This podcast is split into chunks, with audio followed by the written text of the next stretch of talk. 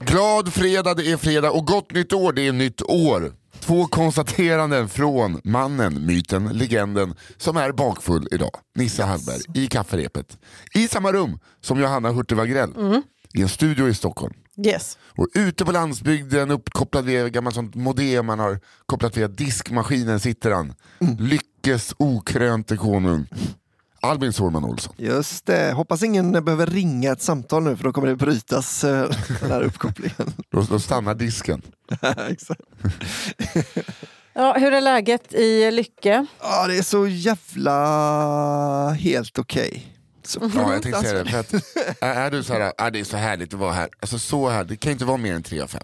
Ja, men, nej, jag kom också på, precis när jag skulle skryta om hur gött jag haft det, kom jag på att jag inte sovit eh, mer än en timme i natt. På grund av Nej. lite olika barn eh, och sånt. Mm. Så det inte... Jag vet hur det känns, för jag var på Ibiza en gång och spelade in kafferepet så jag vet exakt hur det känns. Just det. Men äh, det är som det är va? Ett jävla skitår förmodligen vi har framför oss. Ja, Utgår jag ifrån. As per usual. Ja. Jag eh, tänkte på det när det var nyårsafton, att jag, jag brukar ändå känna en viss, jag undrar vad det här året ska bära med. Jag känner inget sånt. nej, det var inga... Det var, det var så en jävla... Mm. Det, här är väl, det här är väl den festen jag får så att säga. Ja, men det var ju ett jävla... Ett till pissår då, och sen bara blir man 40. Ja. Ja. Men det behöver vi inte tänka på. Gud vad tråkigt. Börja tänka på 40. Men det är himla kul att vara tillbaka och börja spela in eh, det här igen. Det, är ju, det kanske är lite ovant för dig Nisse, men om man har barn, ja då älskar man att jobba. Det är, är så skönt att få jobba lite. Ja, och eh, lov och sånt inte är aktiva. Det ja, precis. Alltså lov kan det fattar jag ju själv. Jag hatar ju lov för att då ser jag barn ute på stan. Ja. Det räcker för mig för att hata lov. Ja. Står i, står i grupp. Mm. De röker inte ens längre, utan står medvetna i grupp. så jävla hemskt. Ja, fruktansvärda är Ja. de. ja, de är vår framtid. Ja. Ska vi, ska vi säga vad det här är för podd? Ja, Vilken trög start det ja blev gud, på det det, men det är, alltså, det är fan- Förlåt, men det är... Det, Hej, woo! det, det är liksom för att man märker det, Albin är på länk. Ja, han, som är, han är liksom energi. vi, försöker, vi försöker två stycken sätta upp ett glas på en coaster. Och det var så vet, när man går på, går på gatan. Och så Båda man, går samma ja, håll. Exakt, så är det en liten tant som man håller på att krocka med. Ja. Och så byter man håll samtidigt. Så blir det. Men det är en jävla energi här på mitt, i min ände. Här är det sånt jävla Ja, lajban. ja, ja. Jag ja. Ja det är jättebra. Ha med, med dig på fördröjning. Vi är, vi är liksom, har en antenn gjord av en sked. Eh, nej men det här är en podd där eh, lyssnarna eh, är stjärnorna. Som man säger.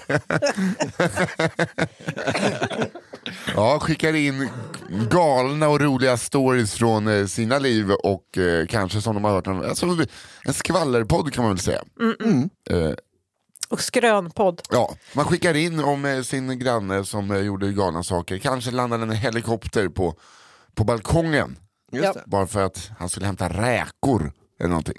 Ja. Och så skickar man in det till kafferepet at underproduktion.se så tar våran otroliga redaktör Fia Lo Almström hand om det. Väljer ut nio historier varje vecka som vi läser upp och bestämmer vilken historia som blir eran att använda som er egen historia. Det här hände mig eller min kompis eller min svågers. De kan variera från väldigt kul till djupt tragiska. Ja, det har ju varit Jaha. högt och lågt. Ja. Eh, så att, eh, det är inte svårare än så. Men det är livet. Ja, det är livet. Högt och lågt. Ja. Som, som min röst idag. Väldigt, jag har väldigt låg röst idag. Inte, jag kan liksom inte ta idag på allvar känner jag. men men det det, är- det är väl bra. Jag kan inte heller ta... Det är det som är fredagsfeeling, I guess. ja. Love that Friday feeling. det, var inte, det, det där var inte meningen att vara dålig engelska. Det blev så där dåligt. Dålig australiensiska. Eh, vad kul att eh, nyårsavsnittet med gammal skåpmat som jag kallar det blev så uppskattat. Ja, jätteroligt. Men det var, det var ju sjukt. Jag var lite rädd att det skulle bli så här, "Ha, ska man lyssna på samma? Men det var verkligen jättekul att göra också. Ja, det var verkligen. Kul Ja, det verkar, de har en sån eh, vad heter det, halveringstid på ett år då, de här historierna. Att vi skulle Mhm. kunna köra det bara på repris. Att vi kör bara avsnitt ett nu igen. Ja, det är bara för att du vill höra om Vetelängden. Ja. Ja, jag vet. det feta fettot.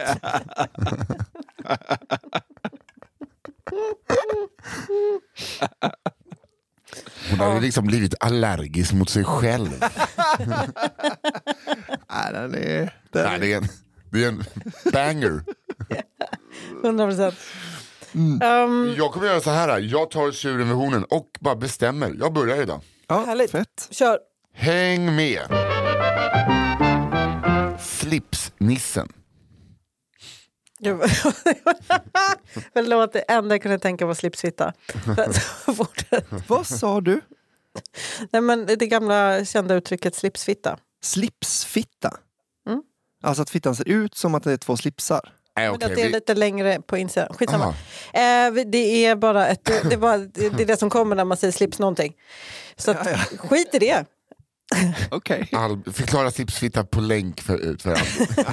Vad då, vad är det då, då, då? Jag vill veta allt. Här kommer den, slipsfitta, eh, slipsnissen. Nisse. Det här är en historia om när topplocket gick på min temperamentsfulla svåger när han skulle tanka sin båt på en bensinstation en härlig försommardag. Det hela ägde rum i en liten hälsingeby beläget nära kusten. Det var dags att äntligen få sjösätta båten och innan båten åkte ner i vattnet skulle den naturligtvis tankas. När han svängde in på bensinstationen med båten han har eh, på ett släp bakom sin stora företagsbil, inom citationstecken sådär. Eh, ser han att alla pumpar är upptagna och redan här börjar irritationen krypa på. Köa och vänta ligger inte honom till lags. Men båten måste tankas. Så något irriterad ställer han sig i kö för att få vänta på sin tur.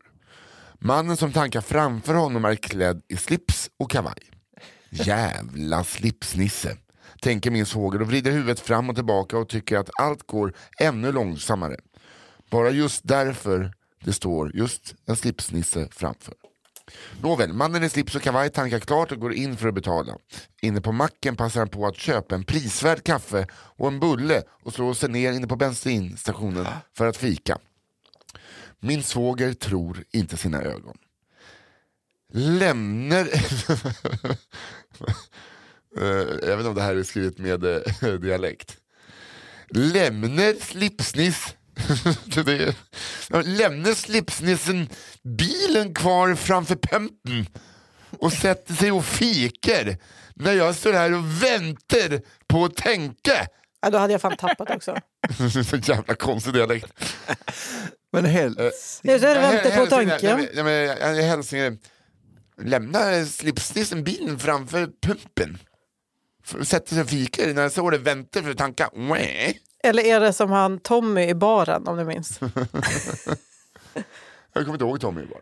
Tommy i baren. Jag vet inte om eh, de andra är det för att eh, sömnen har gjort en snäppis. Han hoppar ur irriterat ur bilen. Eh, går eh, barskt in på macken och stöder fram till slipsnissen. Han ser stadigt honom i ögonen, visar med hela handen och säger högt men flytt biljäveln! Du kan för fan inte lämna bilen framför pumpen och sätta dig här och fika medan den står och väntar på att få tänka! Gå ut och flytta bilen! Mannen i slips och kavaj hoppar ursäktande upp, det finns ju trots allt en poäng i det han säger, och springer ut och flyttar bilen. Slipsnissen återvänder något skamset in på macken för att avsluta sin fikastund. Min svåger kör irriterat fram till pumpen. Han har säkert tappat fem dyrbara minuter på den här jävla slipsnissen. Han har något vilt i blicken när han hoppar ur bilen för att påbörja sin tankning. När han närmar sig tanklocket upptäcker han till sin fas att han står på fel sida. Helvete! Tanklocket är på andra sidan. Den irriterande känslan blandas ihop med skam och väl medveten om att slipsnissen ser honom försöker han tänka ut en lösning som ska mildra det som just nu känns så pinsamt. Så istället för att flytta bilen och båten till en annan pump tar han slangen och försöker intensivt dra den över hela ekipaget eh, till motsatt sida. Nej! Åh, det här är... Nej! För jag vet den där känslan, jag har naturligtvis gjort det. Jag har Ja. naturligtvis ställt mig på fel sida. Eh, men eh, då får man ju åka därifrån. Hur mycket han än drar, sliter, trixar och fixar går det inte att få runt slangen. Det spelar inte roll hur stark han är. För stark är han. Mycket stark. Det är helt omöjligt att få slangen att räcka. Och där inne på macken sitter slipsnissen med sin kopp kaffe och tittar.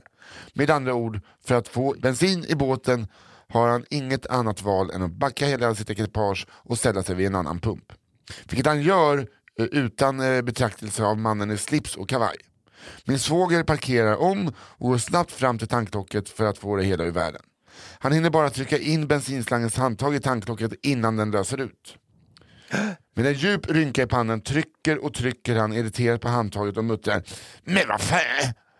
Men vad för fel? Vad fan för fel? Medan han frustrerat står och sliter med eh, handtag som vägrar fungera förstår han med en ilning genom hela kroppen att bensintanken på båten redan är fulltankad. Den är proppfull. Rynkan slätas ut, blicken blir snällare, irritationen är bortblåst och skammen kommer som ett brev på posten. Han tittar mot macken, hänger tillbaka slangen på sin plats och försöker ogenerat att gå fram till kassan. Han viskar förläget till kassörskan att han ska betala en tankning för 10 kronor. Slipsnissen sitter tyst vid kaffebordet och betraktar varje steg han tar. Med vänliga hälsningar svägerskan. PS, er podd är den bästa podd han någonsin lyssnat på. Det var kul. Men vad heter det? Jag, det? Det känns som en sån himla... Eh, är det då man inser att man är ett original? När man liksom gjort allt det där, så att det skällt på någon och bara nej, nej, nu tror ju han att... Eller vänta, han har, han har nog rätt. Jag är nog... Men är det inte... Ska, flytta, flytta bilen så jag kommer fram till pumpen ja! Och att han har bråkat för att bara... Ja, tio, ja det är 10 kronors mannen här igen. Han måste ha helt full. Helt full, full tank. Han blir tokig. Och om man ska tanka så får ingen annan stå vid någon av tankarna. Nu är han här med sin båt igen. Jag kände jag måste ta nässpray för att jag kan, det som att jag, eh, när, jag, när jag läser kan jag inte andas med näsan och då är det som att någon försöker strypa mig. Så jag måste ta nässpray. Gör så. Albin, ska du eh, köra igång? Jag kör en eh, liten story här ska ni få höra. Eh, här kommer den då. En kall januarihelg för ett par år sedan åkte jag och min flickvän upp till Oslo för att gå på fest i dagarna två.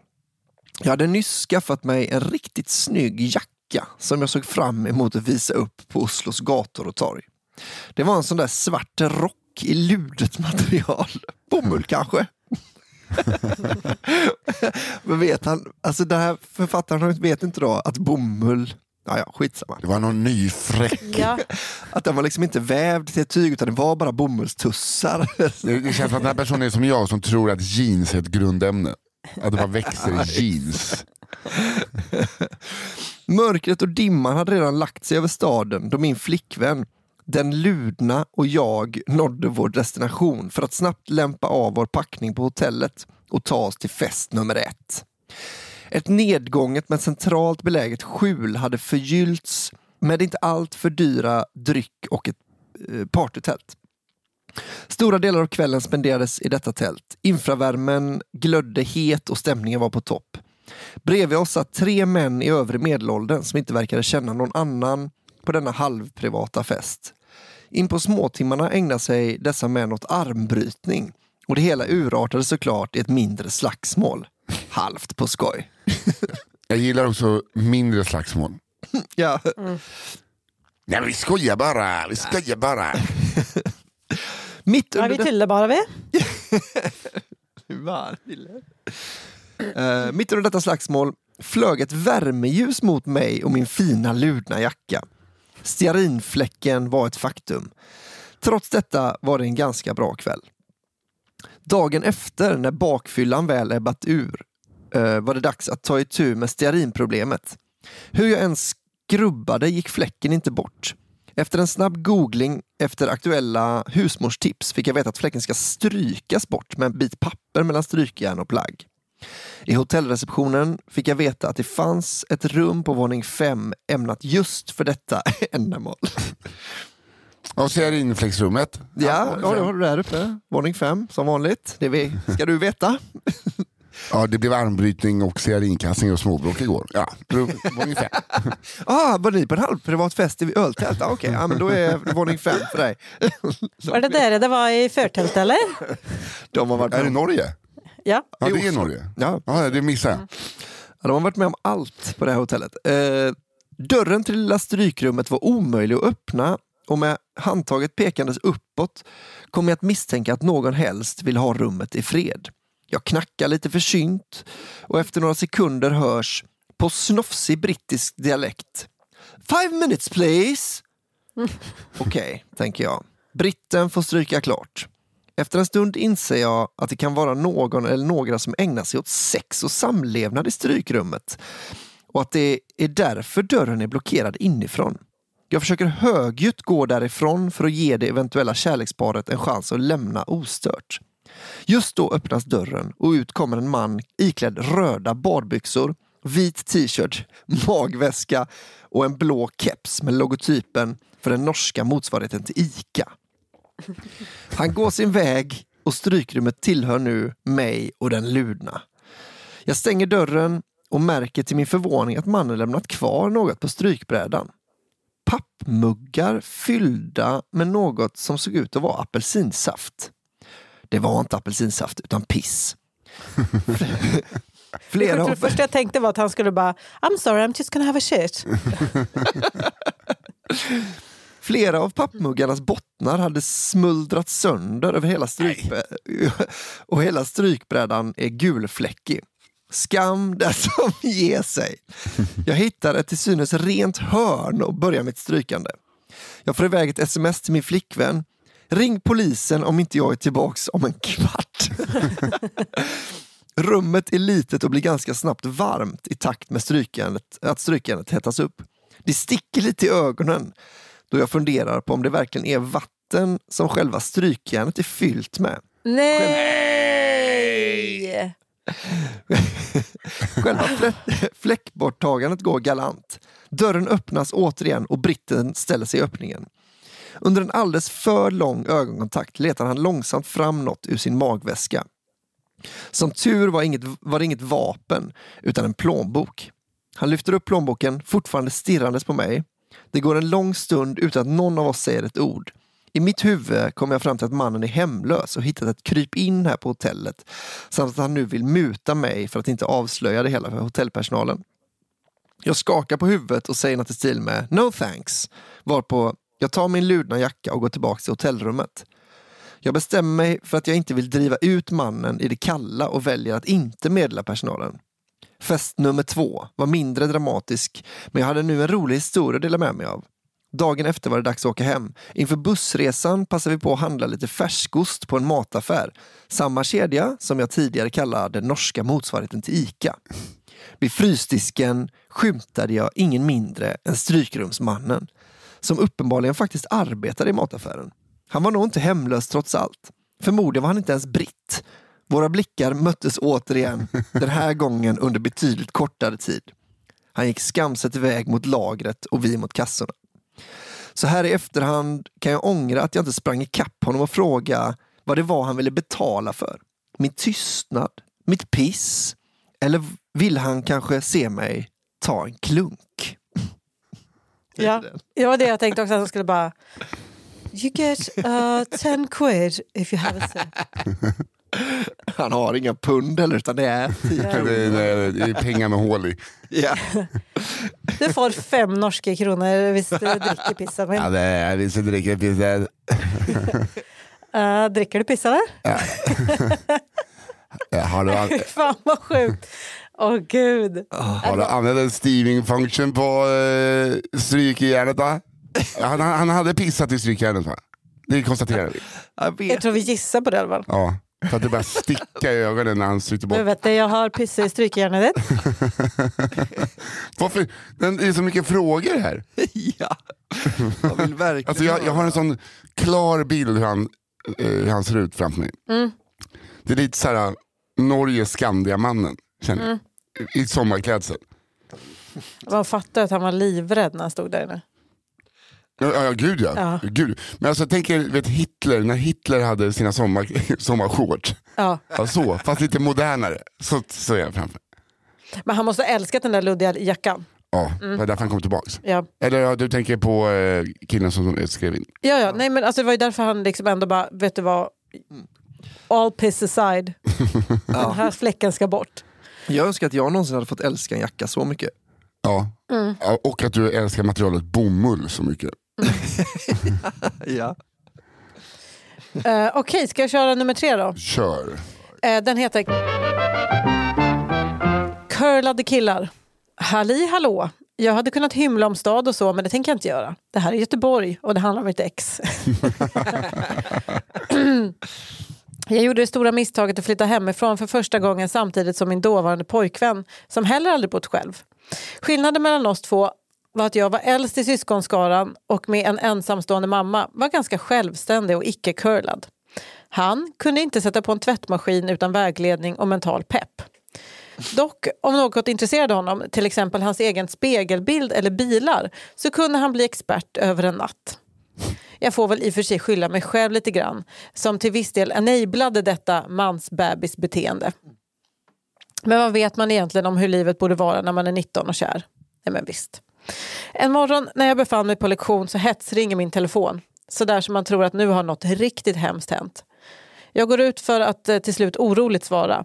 Det är min kille och han har panik i rösten. Jag försöker lugna honom för att förstå vad som har hänt. Till slut får han fram att han har bajsat och det är stopp i toaletten. och, att jag, att, att jag genast måste komma hem för han vet inte hur man löser sånt här. Så det, är så, det är verkligen ett barn. Okay. Jag blir såklart svinsur och säger att han får lösa det själv och i värsta fall ringa hyresvärden. Jag tänker inte mer på det utan fortsätter min dag. Jag kommer hem på eftermiddagen till en såklart olöst situation. Han berättar att han varken ringt fastighetsskötaren, för jag hade ju inte gett honom numret, eller fixat situationen i själva toaletten, eh, men menar på att vi kanske ihop kan ta tag i problemet nu när jag är hemma.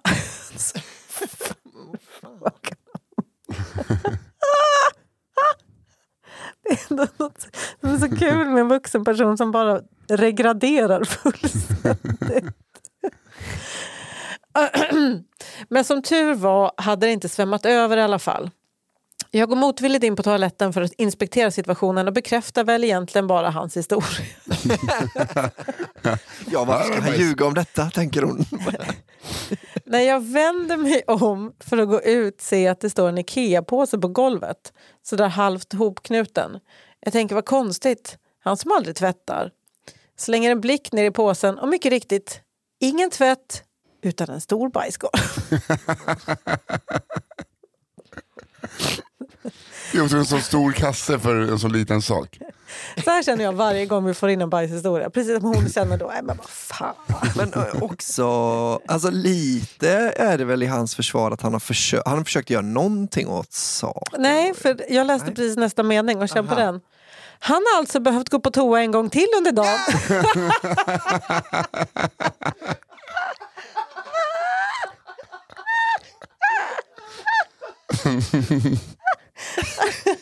Åh gud. Nej.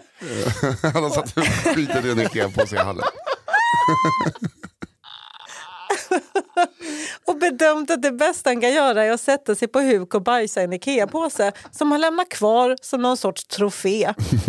Mind you att vi bodde cirka 200 meter från universitetet så man kan ju tänka sig att han skulle gå dit för att gå på toa, men icke.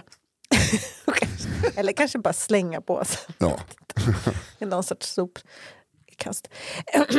Jag tappar det fullständigt och frågar om han har lost his damn mind varav han menar på att han inte visste vad han skulle göra av påsen och därför väntat tills jag kom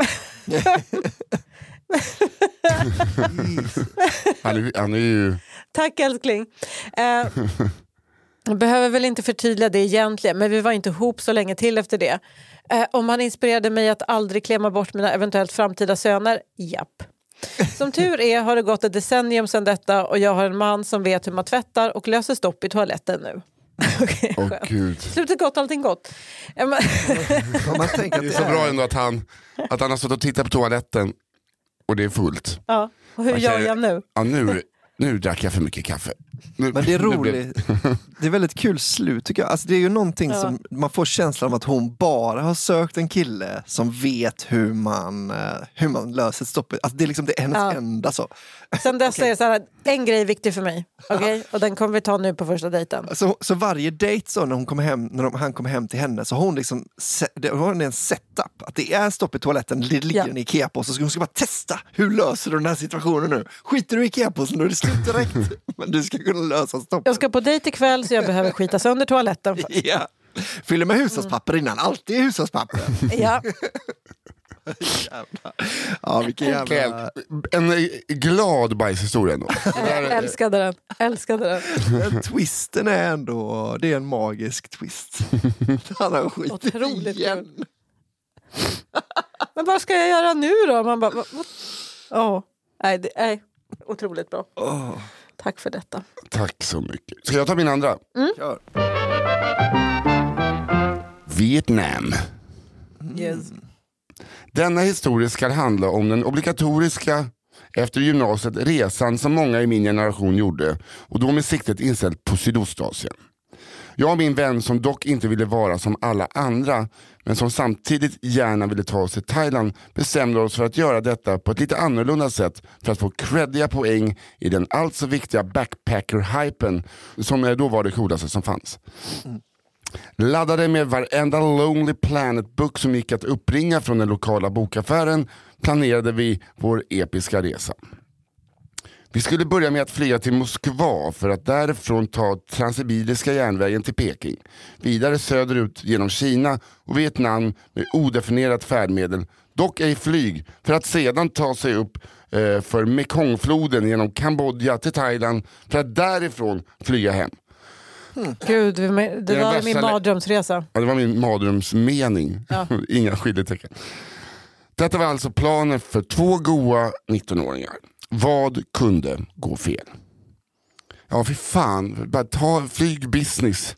Nej, men bara, vill du följa med på den här resan gratis? Nej tack. Nej, Nej. Transsibiriska järnvägen. Ta dig på okänt färdmedel genom Kina? Nej. Men jag drömmer om att åka med Kongfloden. Alltså. Det hade varit fett. Ja, men det är okej, okej, den delen. Mm. Eh, om de har business. Ja, exakt. Ska fan ha fötterna i ett fotbad. Det där är- Helvete!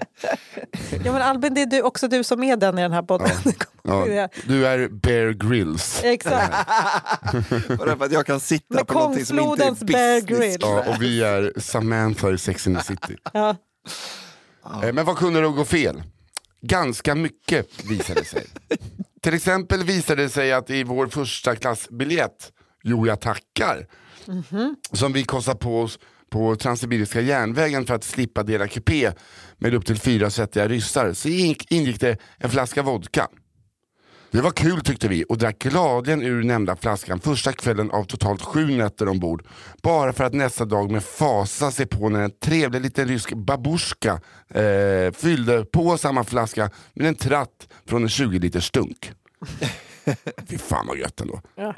Efter det använde vi glas istället. Vodkan visade sig dessutom vara nödvändig för då vi valt att göra denna delen av resan i februari eh, och ta den norra rutten som tog tåget genom Sibirien eh, som bjöd vår vedeldade värmesystem på friska minus 50 grader. Men visst, visst är den tåglinjens namn vittnar lite om att den kommer gå genom Sibirien va? Ja, Eller? Det tycker jag. Att det inte är Just helt, trans och sibiriska får en ju att tänka åt det hållet i alla fall. Lite att det kan inte komma som en chock i februari. ja. För att få med lite bajs även i den här storyn så kan det nämnas att det är en utmaning att gå på toalett bestående av en svarvad stålsits utan ring som bara är ett öppet hål ner på rälsen när man susar fram och får minus 50 grader kallluft uppblåst rätt i Mumindalen. Det låter inte som första klass det här att skita på ett spår. Eh, Som Vad- sagt, jag, sk- jag skulle... You couldn't pay me. Nej, Nej. Eller jo, det kanske, det beror på. Rysk första klass. hon är till salu, det har vi. Det har Så vi. är det. En av resans höjdpunkter blir dock när vi behöver göra en polisanmälan efter att ha blivit rånade på våran då väldigt exklusiva digitalkamera av ett gäng vietnamesiska ladyboys efter vi inte velat införskaffa deras populära tjänster. Förutom att väl dölja det faktum att de gömmer sin penis i trosan behärskar de även den ädla konsten att flippa upp en butterflykniv på ett skrämmande sätt för att rädda, eh, för att rädda pojkar från Sverige. Ja, you go. Ja. You go Vietnamese Ja ladyboys. exakt. Också de Och de är snygga. så bra på att gömma snoppen. Ja, Gud, de var det lurade, de gömmer snoppen så bra. Ja. det är fan de snyggaste tjejerna också. Ja. Man fattar också att de har eh, fotat de här ladyboysen. Ja, de, de, liksom, de, de, eh, de har ju gått så långt att de känner att det är en snopp och sen Ja. blir de rånade. Ja. Lyckligtvis så tyckte mannen som drev det han kallade för ett hotell i den lilla stad vi befann oss i att detta inte var ett trevligt sätt att behandla turister. Så han erbjöd sig att följa med oss till polisstationen och eh, fixa ett dokument vi kunde presentera för försäkringsbolaget. Sagt och gjort. Vi sätter oss på våra mopeder som vi införskaffat för denna delen av resan och beger oss mot den lokala sheriffen.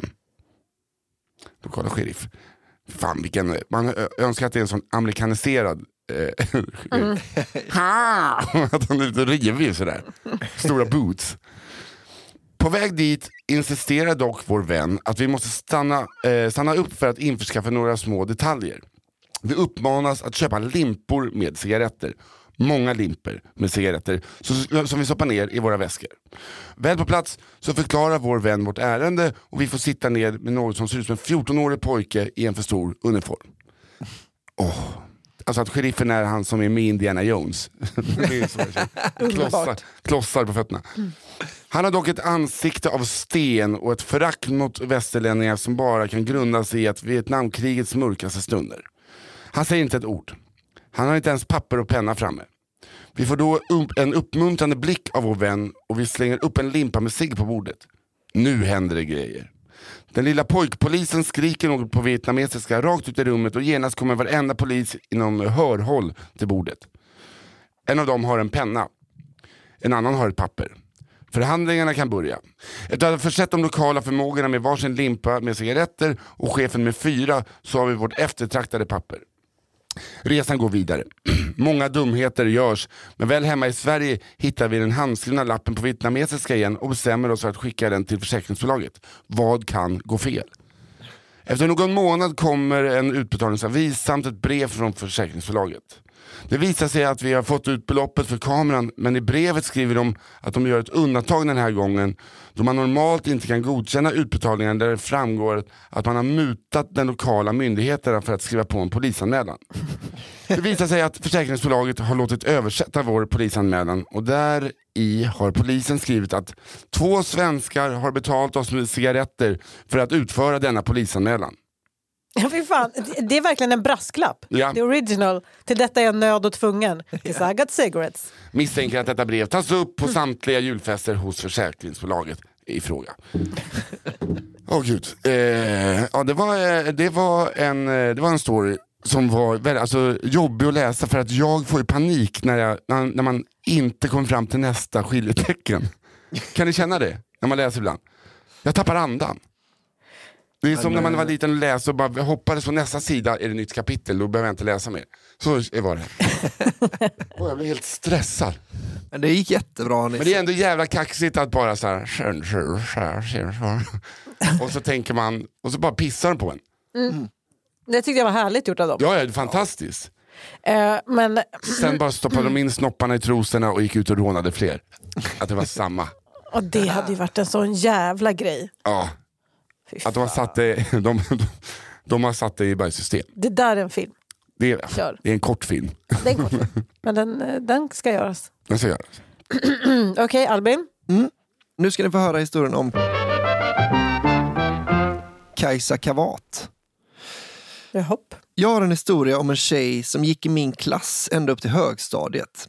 Hon kom från en by ungefär tre mil utanför samhället där vår skola låg. Det samhället ligger i sin tur cirka tre mil ifrån närmsta stad, långt norrut i Västerbotten. Kajsa, som vi kan kalla henne, kunde lätt misstolkas som intellektuellt efterbliven av folk som inte kände henne. Vilket inte stämde alls då hon redan i sjätte klass förvånat ifrågasatte varför vi andra i klassen inte var med i Mensa. Berodde det på att man tyckte att det var tråkigt eller hade man kanske glömt ansöka? Att vi andra barn var lika dumma som en påse nötter kunde Kajsa för sitt liv inte föreställa sig. Ett IQ på 131 eller mer för att kunna ansöka till Mensa var för henne en självklarhet. Men hon accepterade vänligt att vi andra hade, som hon sa, andra kvaliteter som jag kanske inte har. Eh, något som under åren som följde skulle visa sig stämma till 100 procent. Den första historien om Kajsa utspelar sig på högstadiet, klass 8, under vår första termin i syslöjd. Vi stod några stycken vid ett bord, klippandes och dragandes i ett gäng tygstycken och diskuterade att träslöjd, som alla killar självklart valt, var så himla dumt. Och att man dessutom lätt kunde råka kapa av sig ett finger eller ännu värre en hel hand. En annan av tjejerna vid bordet berättade skrämt att träslöjdsläraren dessutom faktiskt hade kapat av sig ett finger för ett par terminer sedan. Men att det var lugnt för han fick tydligen ut hela 180 000 på sin försäkring för endast ena fingertoppen. Kajsa som dittills stått tyst fast i sin egen värld vänder hastigt huvudet och viskar hest och högt. Vad sa du? 180 000 kronor! Vi skrattar vidare åt det sjuka i att gubben förlorat en lem men gått rik ur händelsen medan Kajsa står som fastfrusen i sina egna tankar. Vilket inte alls var något konstigt utan snarare standard för henne. Resten av veckan var Kajsa tystlåten och tankspridd. Men då ingen av oss andra hade en särskilt nära relation till henne var det knappast någon av oss som märkte att hon bytt till träslöjd veckan därpå. Förrän vi fick höra av en kille i klassen vad som hänt. Kajsa hade redan vid uppropet förhört träslöjdsläraren om riskerna för infektion i sår orsakade av bandsåg. Hur lätt det var att hyvla av en kroppsdel med trähyvlarna som fanns på plats. Om de fick använda borr själva och så vidare. Nej men Kajsa. Klassen höll andan. Vad var nu detta? Lektionen fortgick och Kajsa flög försiktigt under lärarens radar och landade till slut vid bandsågen vilken hon startade med snabba rörelser och siktade stadigt eh, sitt ena långfinger mot sågens klinga. Vår enorma norrländska fingertoppslöse slöjdlärare vrålar något ohörbart samtidigt som han störtar genom klassrummet och kastar sig över Kajsa. Det sprutar blod, elever skriker, svimmar, kräks. Vad hade hänt? Var Kajsa galen?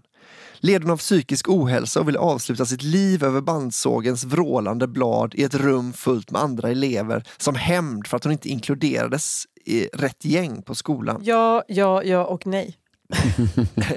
det var i alla fall ryktet som gick bland alla ungar i det lilla samhället. Att den galna flickan från byn där ingen bor tappat förståndet och skulle mördas allihopa med en enorm maskin som ingen förstod sig på.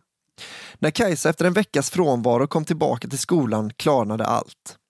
Kajsas mamma hade under ett par år förvägrat sin dotter en till ponny med ursäkten och löftet att om mamman haft pengar över eller när Kajsa själv kunde arbeta ihop pengarna skulle Kajsa självklart fått en ponny till som var bättre än den odugliga gamla kamelen de nu hade i stallet. I Kajsas lösningsorienterade men ännu unga hjärna var den snabbaste och enklaste lösningen att kapa av sig ett finger och snabbt casha in.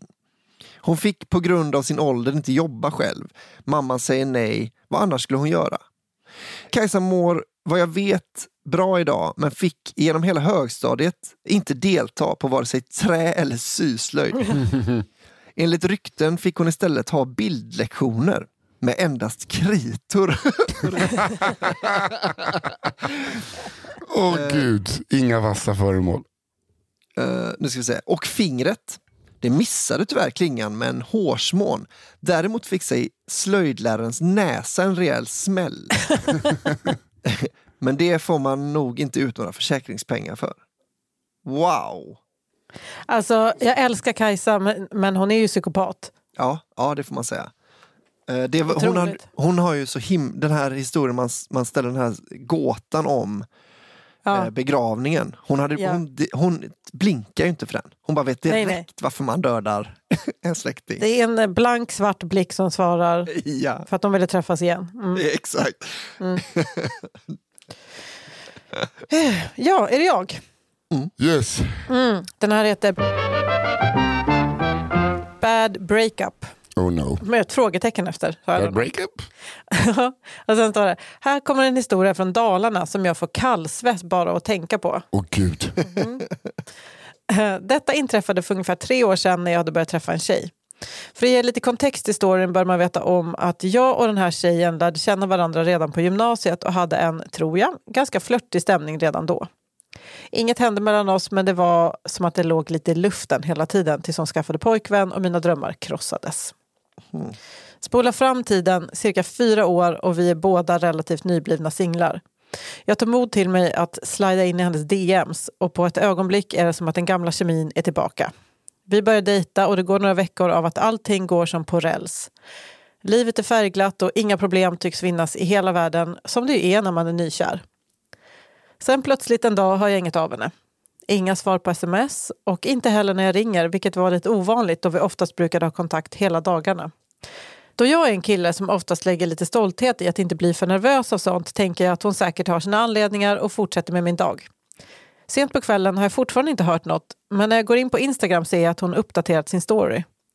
Det är bilder av henne tillsammans med sitt ex som hon har blivit tillsammans med på gymnasiet. De sitter och myser och det står ingen text förutom några hjärtemojis. För att klargöra då så har vi inte satt någon stämpel på vad vi är och inte pratat om att träffas exklusivt. Men vi har ändå sett så pass mycket att jag har min egen tandborste hos henne så lite osoft tyckte jag ändå att det var. Ja, det får man ju verkligen. Ja det är verkligen. Pissigt beteende kan man ju kalla det. Eftersom jag fortfarande inte fått någon kontakt med henne vankar jag av Ann i rummet och blir än mer irriterad över sättet jag blivit, obe- eh, jag blivit obehandlad på. Jag blivit behandlad. Bara ghosta mig sådär utan att ge en förklaring och dessutom krossa mitt hjärta med samma kille igen. Nej, jag kommer fram till att om jag inte förtjänar någon förklaring så förtjänar jag i alla fall att vara lite bitter. Jag svarar på hennes story med ett väldigt passivt aggressivt meddelande i stil med Aha, antar att detta är varför jag inte hört något från dig. Smiley. Smiley ändå. Um, jag sitter och stirrar på vår konversation och jag ser att meddelandet blir läst och de tre små plupparna börjar hoppa omkring. Jag är spänd på vilken dålig bortförklaring som ska komma och har fingrarna redo att knappa iväg något riktigt bittert och åsamka största möjliga dåliga samvete och därmed behålla lite av min stolthet. Döm om min förvåning och fullständiga panik när svaret blir något jag inte alls var förberedd på. Mm, jag vet vad det kommer vara. Tror du missförstår. Det är mitt ex. Han dog igår. Nej, nej, nej, nej, nej. Okej. Vi fortsatte träffas ett tag till, men det höll tyvärr inte. Kanske var det för eh, the best då. Jag skämdes som en hund varje gång det här dök upp i mitt huvud. Åh, Men alltså till hans försvar, Ja. hur fan ska han veta det? Nej, men, liksom- men känslan av att han just så här dött, ja, men, då finns det tyvärr få vägar ut igen. Ja. Men, eller hur, vad fan. Om man lägger ut en bild tillsammans med hjärt-emojisar Men, jag alltså, inte ja. svarar. och inte så här RIP. Ja, exakt. men lite ändå ska han ju vara extremt glad över smileyn. Alltså den räddar ju ändå upp rätt mycket i den. I den här, så, "Aha, så vi ses inte längre och du har gått tillbaka till honom igen. Mm. Att det var så, en, den smiley gör ju ändå gott i det läget tycker jag. Och det gör den faktiskt. Nej, alltså du missförstår. Fast det är eh, det är också så här. um, Ja, det är därför vi inte har, det är därför slutat uh, sägas. För att han gick och dog eller? Ja. Alltså, så kan ju också uppfatta det. Okej, så du är kär i han den döde killen då eller? Mm, ja, ja. Nej, fan, eh, rest in peace man. ja. Ja, verkligen. Uh, och gud.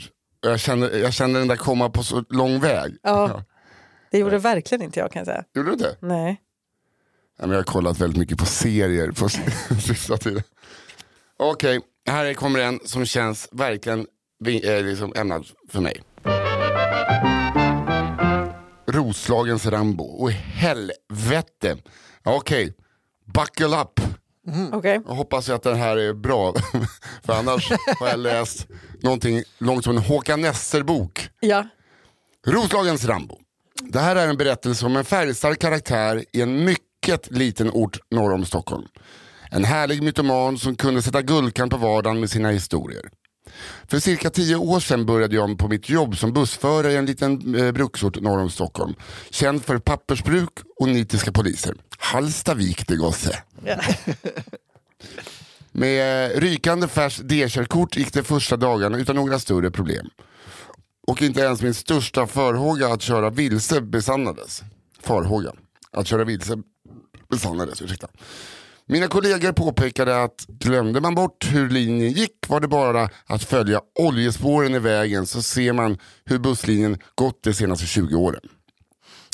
Och räckte inte det kan du alltid fråga pensionären eller originalet som kommer att sitta längst fram i rallysätet. Det lever för tillfällen att få prata med busschauffören. Det är bra att de kallar det för rallysätet. Mhm. Där det sitter någon som crab lady och bara Och chillar. Ja. Efter någon vecka klev en skinntorr liten gubbe i sexårsåldern på i kommunens centralort. En sån där person som uppenbarligen inte varit alltför framgångsrik i livet. Komplett med skitig fleecejacka med vargmotiv och två mycket välanvända matkassar med annat innehåll än mat i nävarna.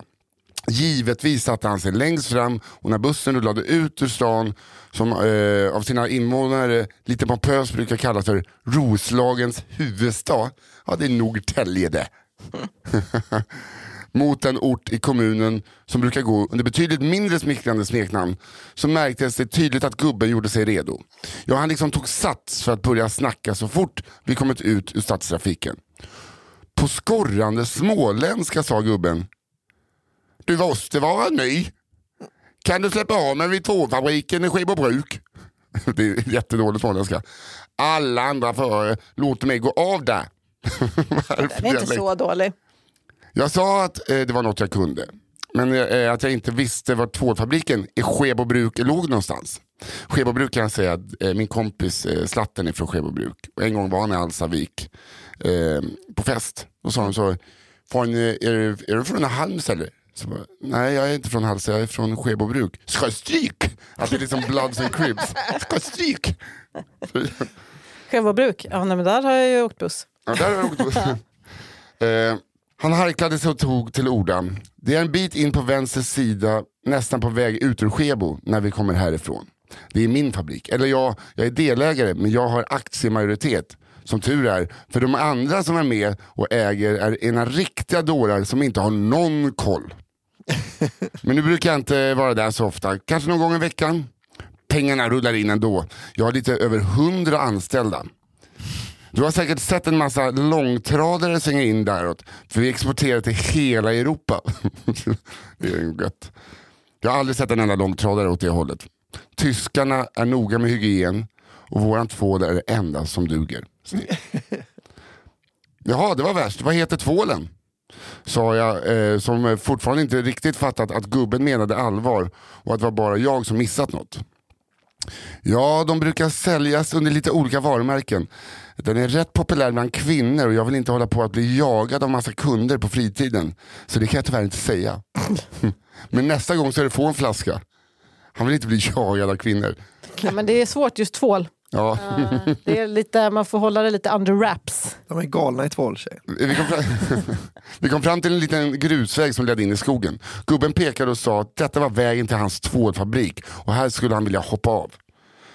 När jag kom tillbaka till bussgaraget så berättade jag om den udda gubben för mina kollegor som satt och drack kaffe. Ah, du har träffat Piss-Sven, sa de. ja, han är ganska rolig om man själv är på samma humör.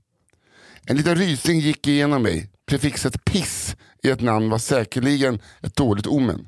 Och betydde det att jag för resten av min framtida karriär skulle behöva stålsätta mina näsborrar när jag hade honom ombord på bussen?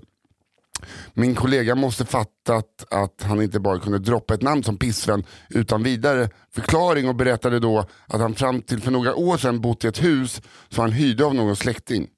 Han och ett tjugotal katter Katterna hade pissat och skitit helt ohämmat inomhus. Vilket renderat en stark stank av kattpiss i en 100 meters radie omkring pissvän. Och till slut hade huset behövt rivas för det inte gick att sanera bort kattpissstanken. Och pissvän hade fått djurförbud. Och sedan dess slutat lukta kattpiss. Öknamn som pissvän är dock inget som man bara skakar av sig sådär. Utan när ortsbefolkningen väl döpt den får man heta det livet ut.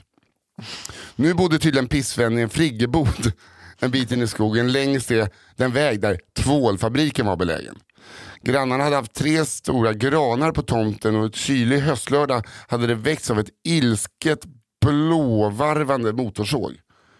När de fått på sig kläderna och tittat ut hade pissvän stått i trädgården med tre fällda granar omkring sig. När de frågade vad i helvete som försiggick så hade pissvän svarat med en dåres självförtroende på sin breda småländska. Ja men det måste väl för fan till och med ni förstå att man måste ha ved till vintern. Eller vad tänkte ni elda med? Tidningar? Hjälp till här istället så får ni en halv kubik. Några dagar senare var pissen ner på bussen igen. Och då han var en man att lita på hade han givetvis med sig en flaska tvål. En flaska av välkänt internationellt märke som han hade producerat i sin lilla tvålfabrik. Trots att det stod Unilever på baksidan. Någon månad senare eller eh, två eh, frågade pissvän vad jag skulle göra till helgen. Jag berättade att jag och min tjej skulle åka och plocka jordgubbar på självplock. Pff, jordgubbar, fnös pissvän. Det är väl eh, det här eh, som finns här i trakten är väl fan inga jordgubbar.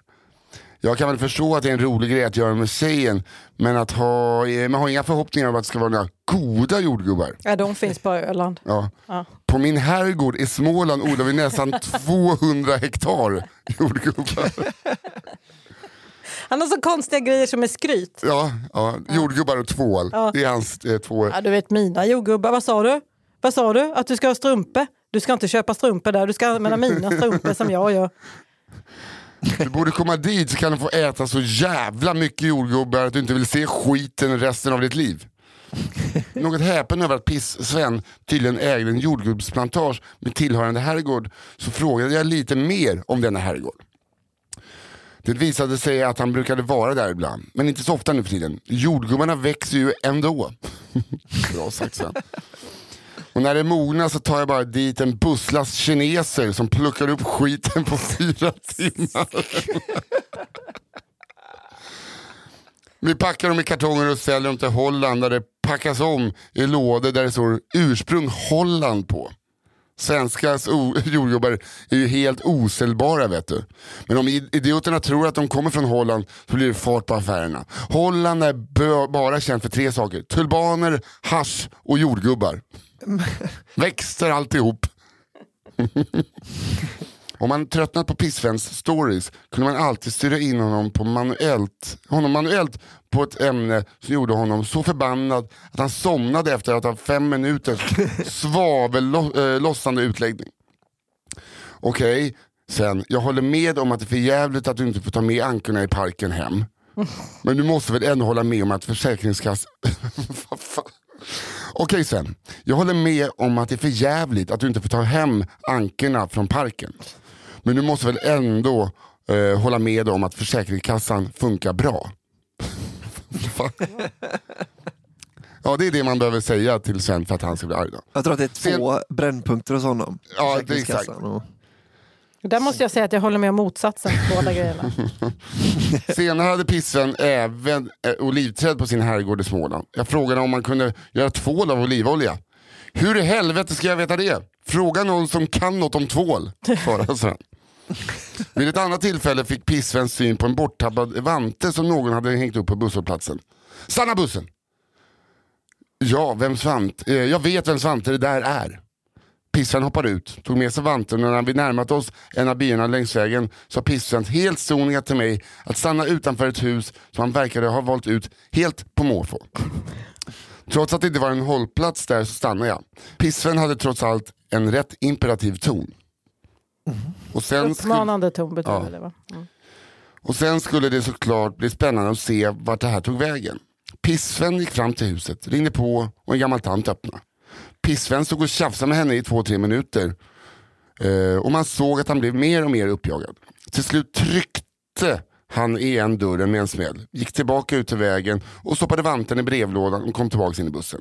Kärringen är helt dum i huvudet. Hon måste vara dement. När hon fan inte känner igen sin egen vante. Tänk för henne att öppna. Ja. Är din vante. Nej, nej tack, det är inte min vante. Det är väl för fan din vante. Och man fick fan inte ens ett tack.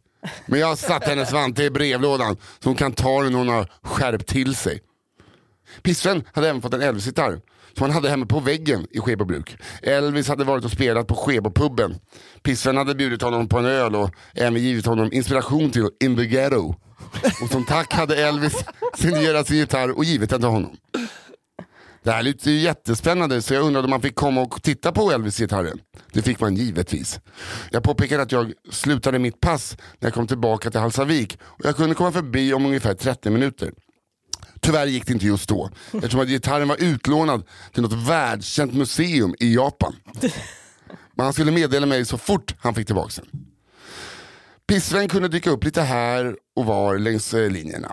Ofta till synes helt utan någon anledning att befinna sig på de mest ödsliga platserna ute i skärgården. En natt körde jag sista bussen hem vid en sån ödslig hållplats. Bara en stolpe i diket och till synes helt utan något hus i närheten så låg en sopsäck slängd. När jag kom närmare såg jag att det inte alls var en sopsäck. Det var pissvän som låg och sov i diket med ansiktet nedåt. Han borstade av värsta leran och hoppade in i bussen. Vid det här laget hade jag blivit ganska luttrad. Så jag frågade lite förstrött vad han gjorde mitt ute i ingenstans. Jo, det hade varit något bråk i något hus här, någon jävel hade spöat sin kärring. Kommunen brukar ringa direkt till mig. Polisen gör ju ingenting, jag brukar behöva sparka in dörren. Sen viftar jag lite med min AK47. När jag gör det brukar de flesta jävlarna lugna ner sig. Men ibland behöver man såklart skjuta någon. Men jag vill försöka undvika det så långt det går. Jag blev lite förundrad över att han hade en AK47. Men han hade eh, naturligtvis en förklaring. Pissven hade varit hemlig livvakt åt Gorbatjov när han var på statsbesök i Norden. Ett ämbete som han eh, sedan även skötte åt Jeltsin och senast Putin. Nu var han dock lite för gammal för dessa uppdrag men Putin hade sagt åt honom att han kunde behålla vapnet eftersom att det fanns massor av dem i Ryssland. Han hade givetvis en stående Putin inbjudan. skulle sagt You can keep this, we have so many. Yes, we have more AK47. Och han hade stående, självklart en stående inbjudan på en kopp te i Kreml när som helst han var i Moskva. En annan gång fick man reda på att Pissven även var krigsveteran från Kuwaitkriget. Jänkarna kom och hämtade oss med bananhelikopter. Landade här på åkern bakom kyrkan. Ja, det var jag och elva till. Vi hade blivit utvalda för att åka ner och jogga rätt på och arkebusera Saddam Hussein.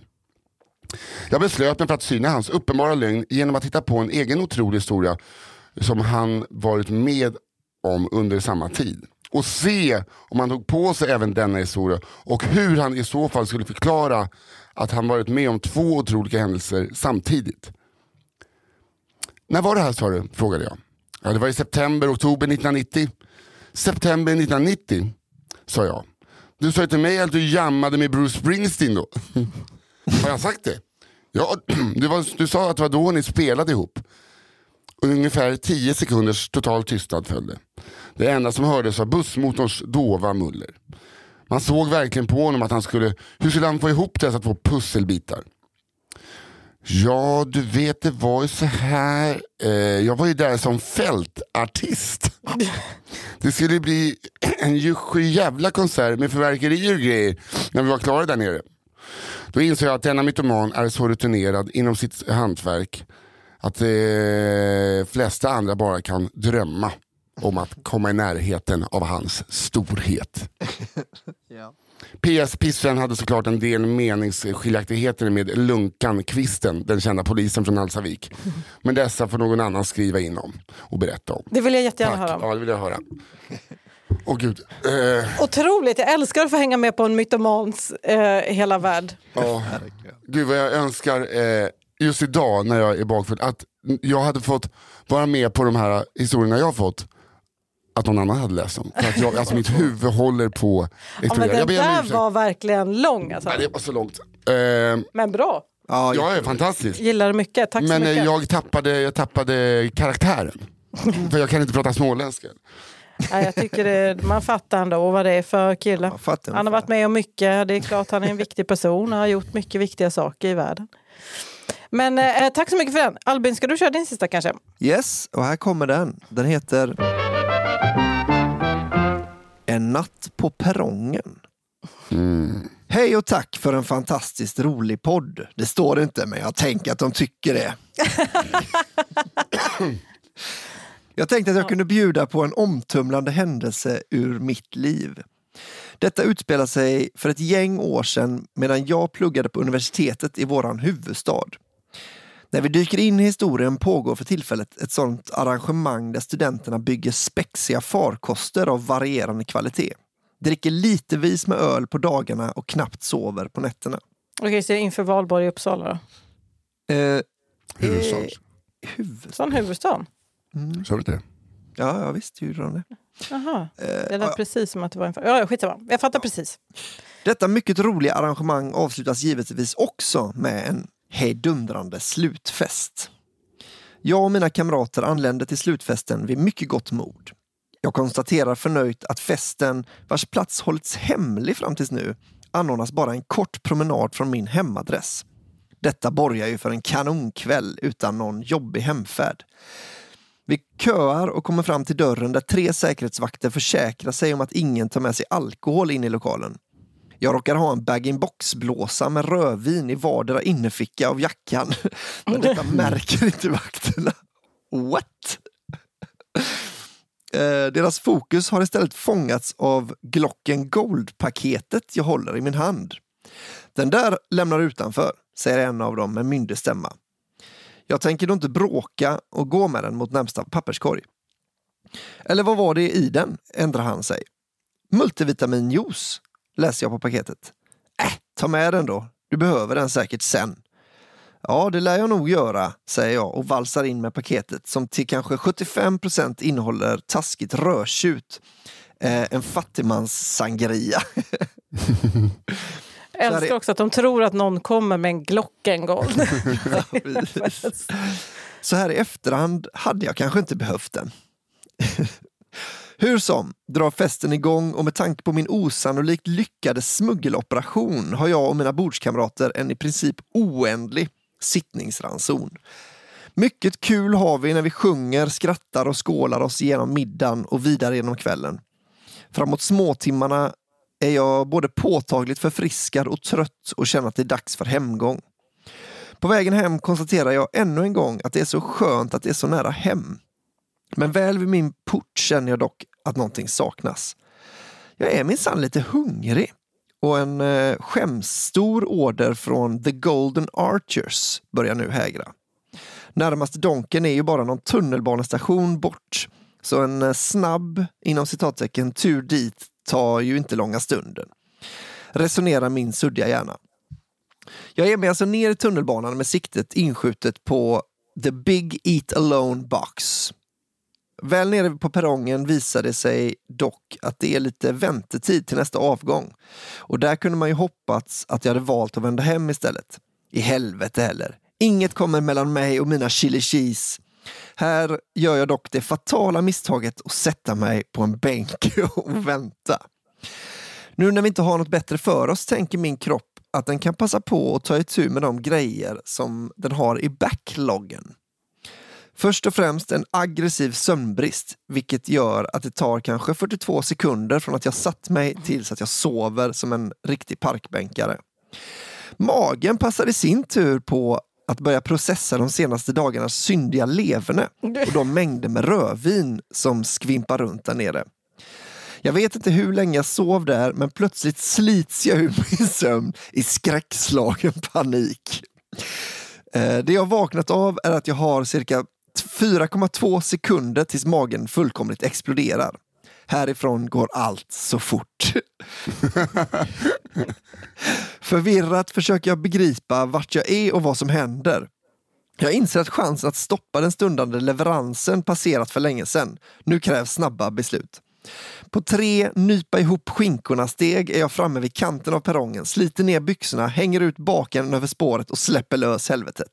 Oj. Jag kan ju inte säga säkert, men jag kan tänka mig att hade man sett det från sidan hade nog kvast varit en passande beskrivning. Att jag överhuvudtaget skulle hunnit kolla att ett tåg inte var på väg in mot stationen betvivlar jag starkt. Nu någon gång går det upp för mig att jag är på publik plats och jag potentiellt kan ha traumatiserat människor i min närhet.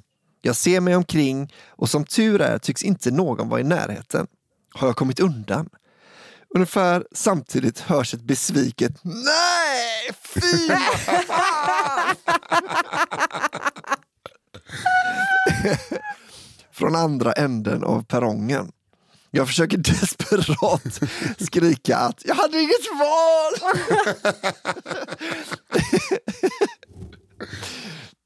Eh, men jag är osäker på om de uppfattade med vilken hårsmån jag undkommit en krigszon inuti mina byxor.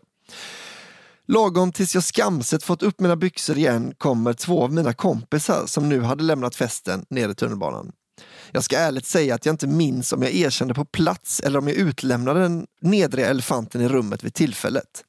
I min förvirring och med begynnande minnesluckor fattar jag inte att det var på min hemmastation utan följde med mina vänner in på tåget när det kom för jag trodde att det var vägen hem. Det kanske är överflödigt att säga men tanken på fyllekäk hade vid det laget helt gått förlorad. Först efter en god stunds tågåkande ifrågasätter de andra varför jag är på väg bort hemifrån. Varpå jag förtvivlade får byta tåg och fortsätta min fruktansvärda strapats hemåt. Långt senare kom jag äntligen hem till min lägenhet. Utmattad, uttorkad och utan Donkenpåse. Tänk vad skönt att det var nära hem ändå. Nej! Fy fan! Jag bara ser eh, framför mig eh, Claes Månsson. Ja. Ja. Fan gjorde han? Vilket jävla svin! Usch, ja, jag får ångest. Okej, vi. här kommer min sista som kanske går lite i samma tema för den heter Bajspinnen. Hej vackra kära ni. Oh, trevlig början. Jag har en historia som jag tycker gör en fin komplettering till historien om Maja och den opolitliga toaletten vi fick höra om för några veckor sedan. Yes. Den utspelar sig i en stad känd för ett världsarv, en korv och en färg och handlar om två personer vi kan kalla för Evelina och Arvid. Fan vad gött med Malmö ändå. Arvid och Evelina har precis köpt lägenhet ihop och är inflyttade sedan bara några dagar tillbaka. Allt känns mysigt och kul. Möbler har börjat komma på plats och ingen har ännu börjat irritera sig på den andres vanor. När Arvid en kväll kommer ut ur badrummet, sticker in huvudet i vardagsrummet där Evelina sitter och säger Gå inte in där, samtidigt som han pekar mot badrummet. Nej, okej, tänker Evelina och antar... Nej, okej det var min dalmål. Eh, tänker Evelina eh, och antar att det helt enkelt luktar för jävligt där inne och att Arvid vill skona både hennes näsa och sin egen stolthet och tänker inte mer på det. Arvid går omkring i lägenheten ett tag, bökar lite i badrummet och kommer efter en stund och sätter sig i soffan bredvid Evelina. Det blev stopp, säger han. Evelina blir smått äcklad och frågar om det i alla fall löst sig nu, varpå Arvid lugnt och som om det vore helt självklart säger ja, jag tog en bajspinne.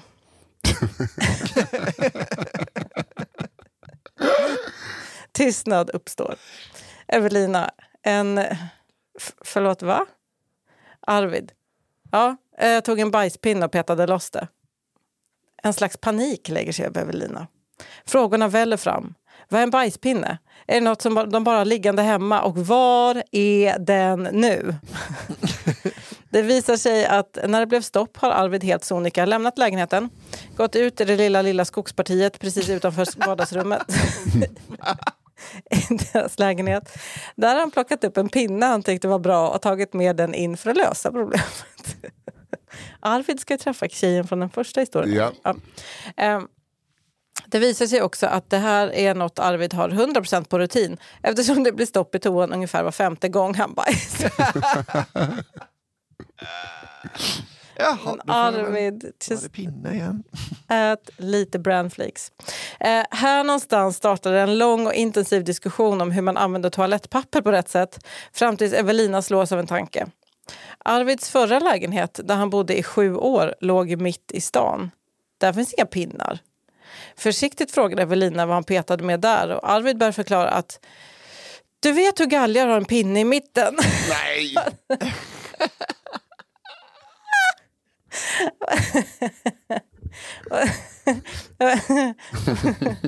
och där någonstans rann livet ur Evelina. Mm, det kära paret bor fortfarande ihop men Evelina håller hårt i sina galgar och undviker på alla sätt att i onödan trampa runt bland pinnarna i skogspartiet utanför vardagsrumsfönstret. Åh, vad kul. Du vet, galgar har ju en sån där... äh, Säg inte mer nu, säg inte mer. Uh, Okej. Du vet hur spaghetti är alldeles hårt innan man kokar det. ja, fan vad... Ja, Det väldigt var kul kul. ju att det, var, det hade varit ett perfekt par, den första och den sista. Mm, Men ja, Det hade det verkligen varit. Match made in kafferepet. Ja, hur började det här då? Jag har idag läst Slipsnissen, mannen som eh, tankade båten. Jag har läst Vietnam, alltså eh, resan eh, med Transsibiriska järnvägen Just det. och The Ladyboys. Och sen eh, detta epos Mm. om eh, Roslagens Rambo, den piss, eh, pissen. Ja, det var två stycken som ändå var liksom ta med en på en tur. Ja. Ja, verkligen. Okej. Eh, Jag har läst eh, den här Oslo, alltså den, eh, vad heter den nu då? Just det, ki- Pissniss i Oslo. Stryk, strykrummet. Mm. Och även Kajsa Kavat.